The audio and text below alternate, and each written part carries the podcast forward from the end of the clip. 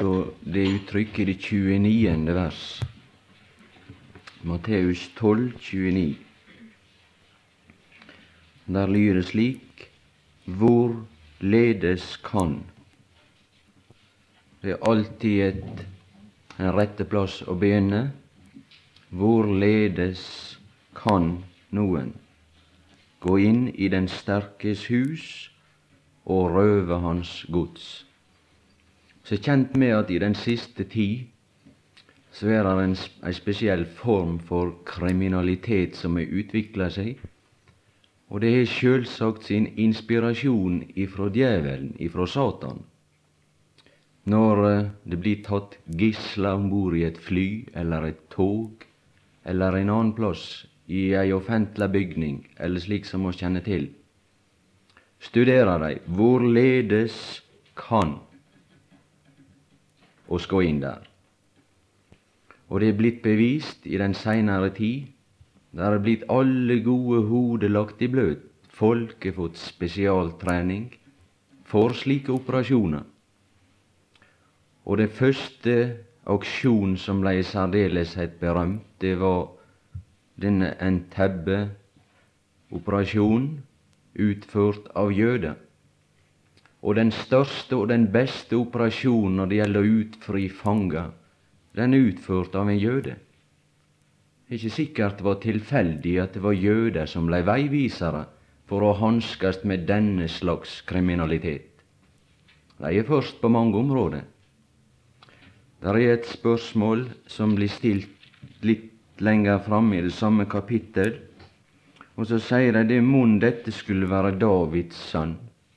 Han gjorde noe. Mon skulle være han, Davids sønn. Ja, det veit oss at Kristus Jesus, han var jøde, han er rund av Isais skudd, og han var født inn i våre kår som jøde, men det er bare ei side av sannheten. han var Guds veldige sønn. Han var utsendt ifra Gud for å frie ut de som var fanga av den som hadde ondt i sinnet djevelen som er en tjuv og som er en røver.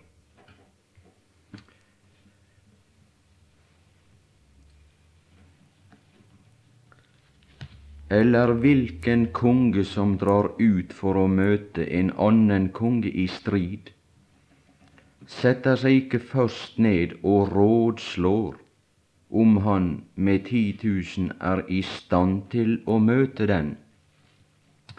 Det var noe som skjedde i Guds evige råd.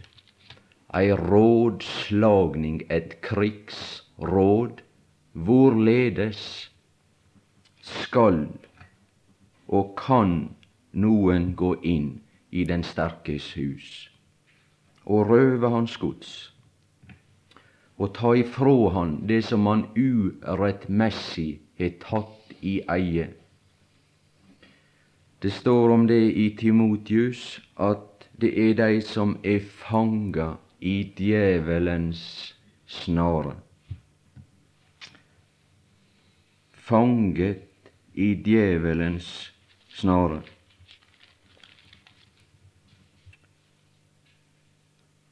Ja, det er en tilstand å være i. Hvorledes? Så kom den Herre Jesus inn i denne verden. Men alle disse som var i, i disse fly, eller som var holdt fanga på andre vis, disse gissel, de var voldsomt samarbeidsvillige med sine befriere. Men en Herre Jesus, han kom ille ute. De som han skulle befri, de fant det for godt å begynne på Han som var deres egen befrier.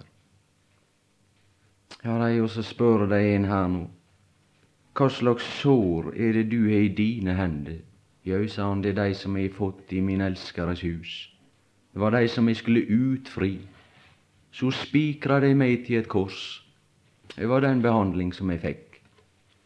Men heldigvis så hadde han på forhånd, i Guds evige råd, så hadde de regna over hva prisen ville bli for denne utfrielse som han hadde satt seg fore. De som urettmessig var tekne av djevelen, han som er en tjuv og som er en røver, og som urettmessig fanga menneskesjeler. Han hadde rekna ut hva prisen var, så ga han ikke opp. La dem bare gå så vidt, sier han, det som skulle fungere som ei slags øvrighet og verne om det som var rett i denne verden. De førte han ut til Golgata, og så spikra de han til et kors sammen med to andre som var farlige personer, personer som var mordere og røvere så ga han en slik behandling. Men han lot seg ikke stanse. Han hadde på forhånd regna ut hva prisen ville bli. Derfor så gikk han veien til ende, og han kjøpte oss fri ifra denne, ifra denne tilstand, ifra dette fengsel. Og så kunne han forkynne det som han sier i Lukas, at han er kommet til å forkynne at han vil sette fanger i frihet. Det var et velbehagelig år ifra Herren. Å forkynne fanger at de skal få frihet, blinde at de skal få syn, og for å sette undertrykte i frihet. Forkynne et velbehagelig år ifra Herren. Hvorledes? I Johannes 12. Det er nemlig slik at det er enkelte personer som kan komme i et hus, og bare de er frekke nok, så blir de værende i huset sjøl om man ber dem gå. Det er det verste. Du kan få inn en leieboer, jeg kjenner til det helt konkret, ifra min heimplass. Det er folk som ikke er til å ha i hus. Men så er også den norske lov slik at det går ikke an å si opp en leieboer. Så må du ta ei rettssak og få denne sak pådømt, og så må de kastes ut med makt. Er det som er. Og djevelen, han er en slik en. Og når han er flytta inn, så er ikke han god å få ut. Og han hadde flytta inn i denne verden, og inn i denne tilskikkelse der som må se. Derfor så måtte Jesus også ordne det i Johannes 12, 31. Nu holdes dom over denne verden, og nu skal denne verdens fyrste kastes ut. Ja, det er det som er. Han måtte takast med makt. Han skal kastes ut på grunn av at der kom inn en som hadde makt til det. Men det var en dyre pris, og det var en tunge strid. Men han hadde mot, og han hadde kraft til å gjennomføre det. Men den pris og det som det førte til, det var at denne befrier, han falt sjøl i striden, og så døde han der. I Hebreabrevet, det andre kapittel og det fjortende vers, eftersom da barnen har del i blod og kjød, og det er ei side ved Kristi død. Det er den side der han tok seg av våre fiender. Han ordna syndespørsmålet for mennesket på den måte at han døde forbannelsesdød under Guds dom for å fri oss ifra våre synder som en stedfortreder. Han tok straffa for vår synd på seg. Men så var han en stridsmann, og så avvæpna han maktene og myndighetene på korset og stilte dei åpenlyst til skue. Han avvæpna djevelen. Hvis du vil løse i Det gamle testamentet om David som strei imot Goliat i Terebintedalen, så vil du finne det samme. At det han blei beseira med sine egne våpen. Han gikk inn og møtte han med blanke våpen og så slo han Israels fiende, filisteren, han som søkte å ta livet av Israels hær. Der står dessuten omtalt i Skriftene at der var fem filistere som var slike høvdinger, men den Herre Jesus han avvæpna de alle. Slik at det er blitt ro i Guds hus for alle fiender. Det er et hus og et rike som ikke er trua av noen. Der er også ei anna side av djevelen. Han er på en måte laus i dag også, men oss kan ikke komme i detalj inn på disse spørsmål, sjølsagt. Men du er frihet til å forlate dette hus, om du skulle være der, og gå ut og gå inn i ham. Jeg er døren, den som går inn igjennom meg, han blir frelst. Det er fritt for alle å gå. Og skal da, hvis Gud gi nåde, peke på noen tildragelse her for å kunne ikle disse sannheter materi eller ord og gi det inntrykk sånn oss kan tilegne oss det ved hjelp av et par tildragelser ifra Skriftene. Hebreabrevet 2, 14 der står det at det var ved døden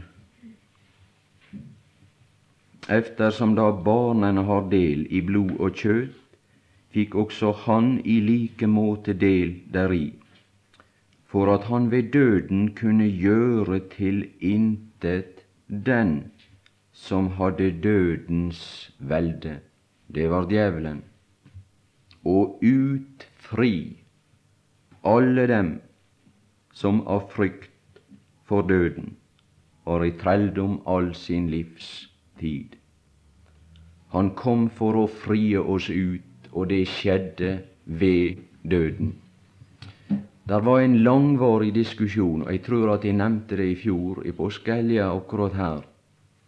Det var en langvarig diskusjon mellom Moses og farao gjennom hele elleve kapittel i Andre Mosebok om at han skulle la Israels folk fare ut ifra trellehuset, ifra faraos åk. Jeg kunne vel bare for å nevne slik at eventuelle misforståelser blei oppklara. Han Jan Harald har nevnt farao som et bilde på Gud, og det stemmer. Men så står det om en ny konge som blei herre over Egypten, som ikke kjente Josef, med et nytt sinnelag og det var den personen som trådte fram, som hadde et annet sinnelag, og som oppkasta seg til herre over slekta. Derfor blei det langvarige forhandlinger med Moses og farao, med den konge. Du skal la mitt folk fare. Så begynner han å holde folk i trelldom, og plage dem med jern og med svøpe og drive dem på alle slags vis, slik at de sukker tungt under byrda i dette trelle hus. Men det viser seg det at det ble ikke forandring i tingenes tilstand før at et, et lam kom til å dø i det tolvte kapittel. Da blei det en utgang ifra Egypten, så gikk de imot løftets land. Så gikk de imot Jerusalem. Så gikk de imot denne by der det var høytid. Og det er også slik for den som er frikjøpt ved lammets dyre blod, så er han på vei til det nye Jerusalem, til løftets land og til Kanaan, til det himmelske. Ja, sjel, du må bli med der. Det var alle i Israel som hadde anledning til å forlate Egypten i denne natt, da dette lam døde. Det var det som var den store forskjell. Farao, han hadde nok med sitt denne natt. Der steig opp et skrik fra Egyptens land, for Gud viste seg med et sverd i Egyptens land. Han som ikke hadde hatt respekt før, han fikk respekt. Han som er en stridsmann. Ja, jeg skal si deg det at det er han som har makt. Det var han som viste seg med et sverd, og så slo han de førstefødte i Egyptens land. Det blei ei forløsning men i Israels hus, der var det slakta et lam, slik at de gikk fri. Det er det som er forskjellen på Guds folk. Der er en som allerede er død. Det var ved døden å utfri dem som i og utfri alle dem som i frykt for døden var i trelldom all sin livstid.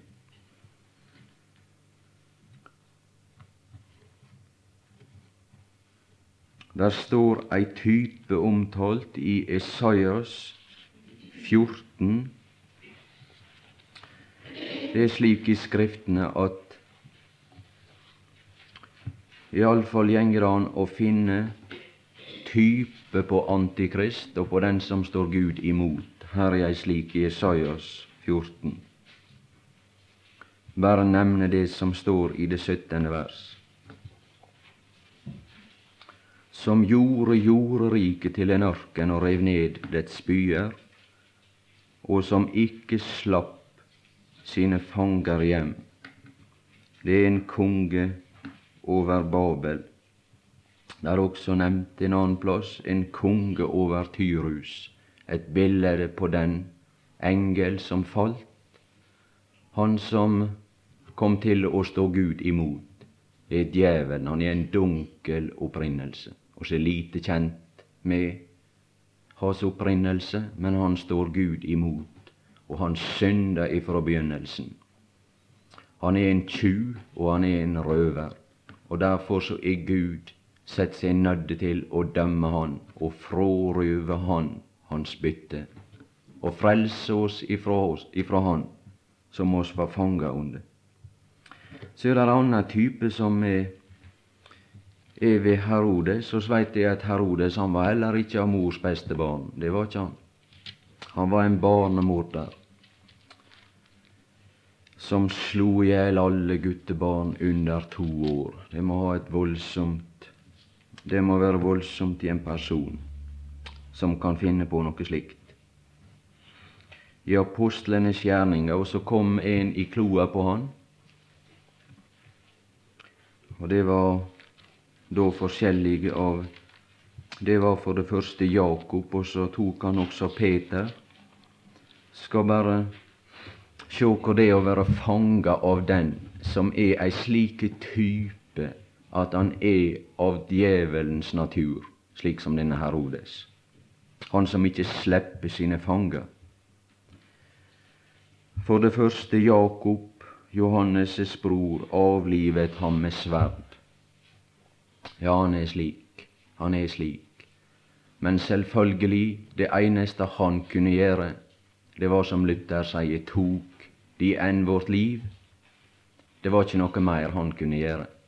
Men det som djevelen kan gjøre, det er å holde sjeler fanga, slik at ikke lyset ifra evangeliet får skinne inn i vår sjel. At oss kan bli oppmerksom på at oss er anledning til å gå til den Herre Jesus, og gå til Han og bli frelst. Og da han hadde grepet ham, det var Peter, kastet han ham i fengsel og overlot ham til fire vaktskifter av stridsmenn, hvert på fire mann, og passe på ham. Og da han så efter påsken, ja, her vil jeg si det med det samme, han gjorde en stygge feil. Men så må det være ei tilfeldighet. Han venta til etter påske med å skulle avlive han. Ja, ja, oss kan være glad oss leve etter påske. På en måte gjør alle mennesker det, for Gud hadde i sinne ei påske, en langfredag, å frie ut dei som var fanga av djevelen. Så vi fått et lite glimt her. Han ville efter påsken. Ja, ja, han var for seint ute. Han var for seint ute. Farao, han blei for seint ute. Det som han ville gjøre etter påske, det blei mislykka for farao. Veit du hvor han enda han? Han enda i Det røde hav. Og der ligger han den dag i dag. Han ligger der ihjelslagen og gjort til intet med alle sine hærer. Det er det som er det forferdelige. Den som røyser seg imot denne hærfører, imot denne som er draget ut i strid for å frie oss ifra våre fiender, han blir liggende slik. Et ynkla syn. Farao som ligger der, ihjelslått. Han ville begynne å operere etter påske, han. Så drog han ut etter et forløst folk. Ja, det var en sørgelig ende for farao. Ja, det står nevnt i 2. Timotius 2,26 at det er tale om djevelens snare. Og det er en måte å fange fugl på. Fange menneskesjeler. Men i Salme 124 der er det da nevnt det i det sjuende vers at vår sjel er unnsluppet som en fugl av fuglefangerens snare. Snaren er sønderrevet, og vi er unnsluppet. Vår hjelp er i Herrens navn. Og så er oss blitt gjort kjent med et navn. Du skal kalle hans navn Jesus. Dette er et av de navn som oss med sikkerhet kan utlegge og fortelle betydningen av. Det stender i Skriftene. Du skal kalle hans navn Jesus, for han skal frelse sitt folk ifra deres synder. Han er en frelser når oss legger ut hans navn. Vår hjelp er i Herrens navn. Der er ei hjelp ifra denne snare og så forkynner denne Herre Jesus det som noe av det første han gjør i denne verden, når han tar ordet i ei synagoge i Nasaret, så var det at han forkynte frihet for fanger. Så sier de det, de som lytter til, at dette var livssalige ord. Det var livssalige ord, var alles øyne festet på ham. Herrens ånd er over meg. Han har salvet meg til å forkynne evangeliet for fattige. Han har utsendt meg for å forkynne fanger at de skal få frihet, blinde at de skal få syn, for å sette undertrykte i frihet. Ja, det var livssalige ord. Det var det beste som gikk an å høre for den som var i fangenskap det står om en person som var overveldet av djevelen. De førte til ham en besatt som var blind og stum, og han helbredet ham, så den stumme talte og så. Og folket var ute av seg selv av forundring og sa:" Mon dette skulle være Davids sønn? Der var et løfte om en sønn av David som skulle frie deg ut ifra djevelens makt. Så blei der forkynt ei frihet for fanger. Så er det enda ei litt anna side, men det skal eg bare nevne så vidt. Det var dei som var i dødsriket. Så gikk han dit og fridde ut dei som han Gud ikke hadde ærlagt betaling for. Det står vel i ei av Det står vel i en artikkel også om det. Dødsrikets porter han sprengte, åpnet til himmelen vei. Det er den enkle sannhet. Han åpna en vei, han bana en vei, en ny og levende vei som fører rett inn til Gud. Jeg er døren, og ingen kommer til Faderen uten ved meg. Men ved ham gjenger det an å bli frelst. I Hans navn er det frelse. Frelse for alle.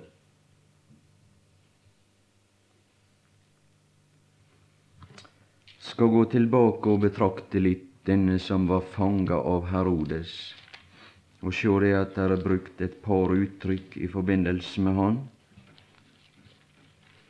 I Apostlenes gjerninger, det tolvte kapittel. De holdt av vakt over Peter i fengselet. Så står det det at Peter han sov den natt mellom to stridsmenn. Selvfølgelig så mener jeg ikke det at Peter ikke er frelst i den forstand, men dette er bare en utfrielse når det gjaldt hans person og hans fysiske liv. Peter sov den natt mellom to stridsmenn, bundet med to lenker, og vaktmenn utenfor døren passet på fengselet. Men Herodes røber sitt sinn, slik at oss kan kjenne til hvordan han var innstilt overfor denne personen. Og se, en Herrens engel sto der, og et lys skinte i fangerommet, og han støtte Peter i siden og vekket ham opp og sa, Skynd deg å stå opp. Og lenkene falt av hans hender. Skynd deg å stå opp. Lenkene falt av hans hender. Da han kom til seg selv, og så sier han, jeg hadde et hus jeg kom ifra, jeg hadde en opprinnelse.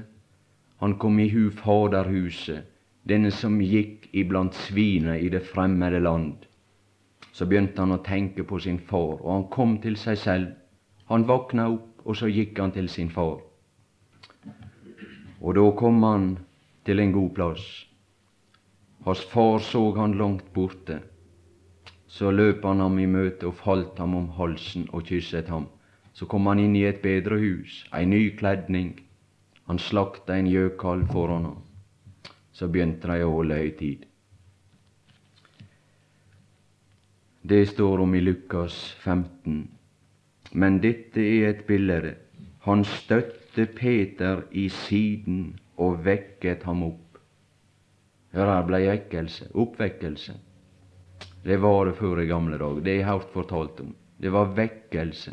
Det var syndere som sto opp, og så gikk de ut av fengselet og inn i et annet hus og gikk til sin far. Er det en engel som støyter bort i de side, og så vekker han deg opp? Sier de at du må nå sjå, du må sanse deg, at det lenkene de er falt av dine hender. Nå er jeg ordna dette, så nå får du bare gå. Bli med meg, skal du sjå. Gå ut av dette forferdelige hus. For hvis du blir her til om morgenen, veit du hva som skjer da? Ja, det er ikke noe godt som er i vente for den som blir i dette hus, i djevelens snare, og blir forført. Dele selskap med Han gjennom evigheten under Guds dom og vrede. Kast din kappe om deg og følg meg. Han gikk da ut og fulgte ham, og han forsto ikke det engelen gjorde, og slik er det i grunnen oss forstende så lite av det som Gud har gjort for oss. Men det vil bli åpenbart, slik oss kan fatte den dimensjon som det er i Guds frelse, og sjå litt av den pris som Han måtte betale når Han fridde oss ut ifra mørkets makt og satte oss over i sin elskede Sønns rike.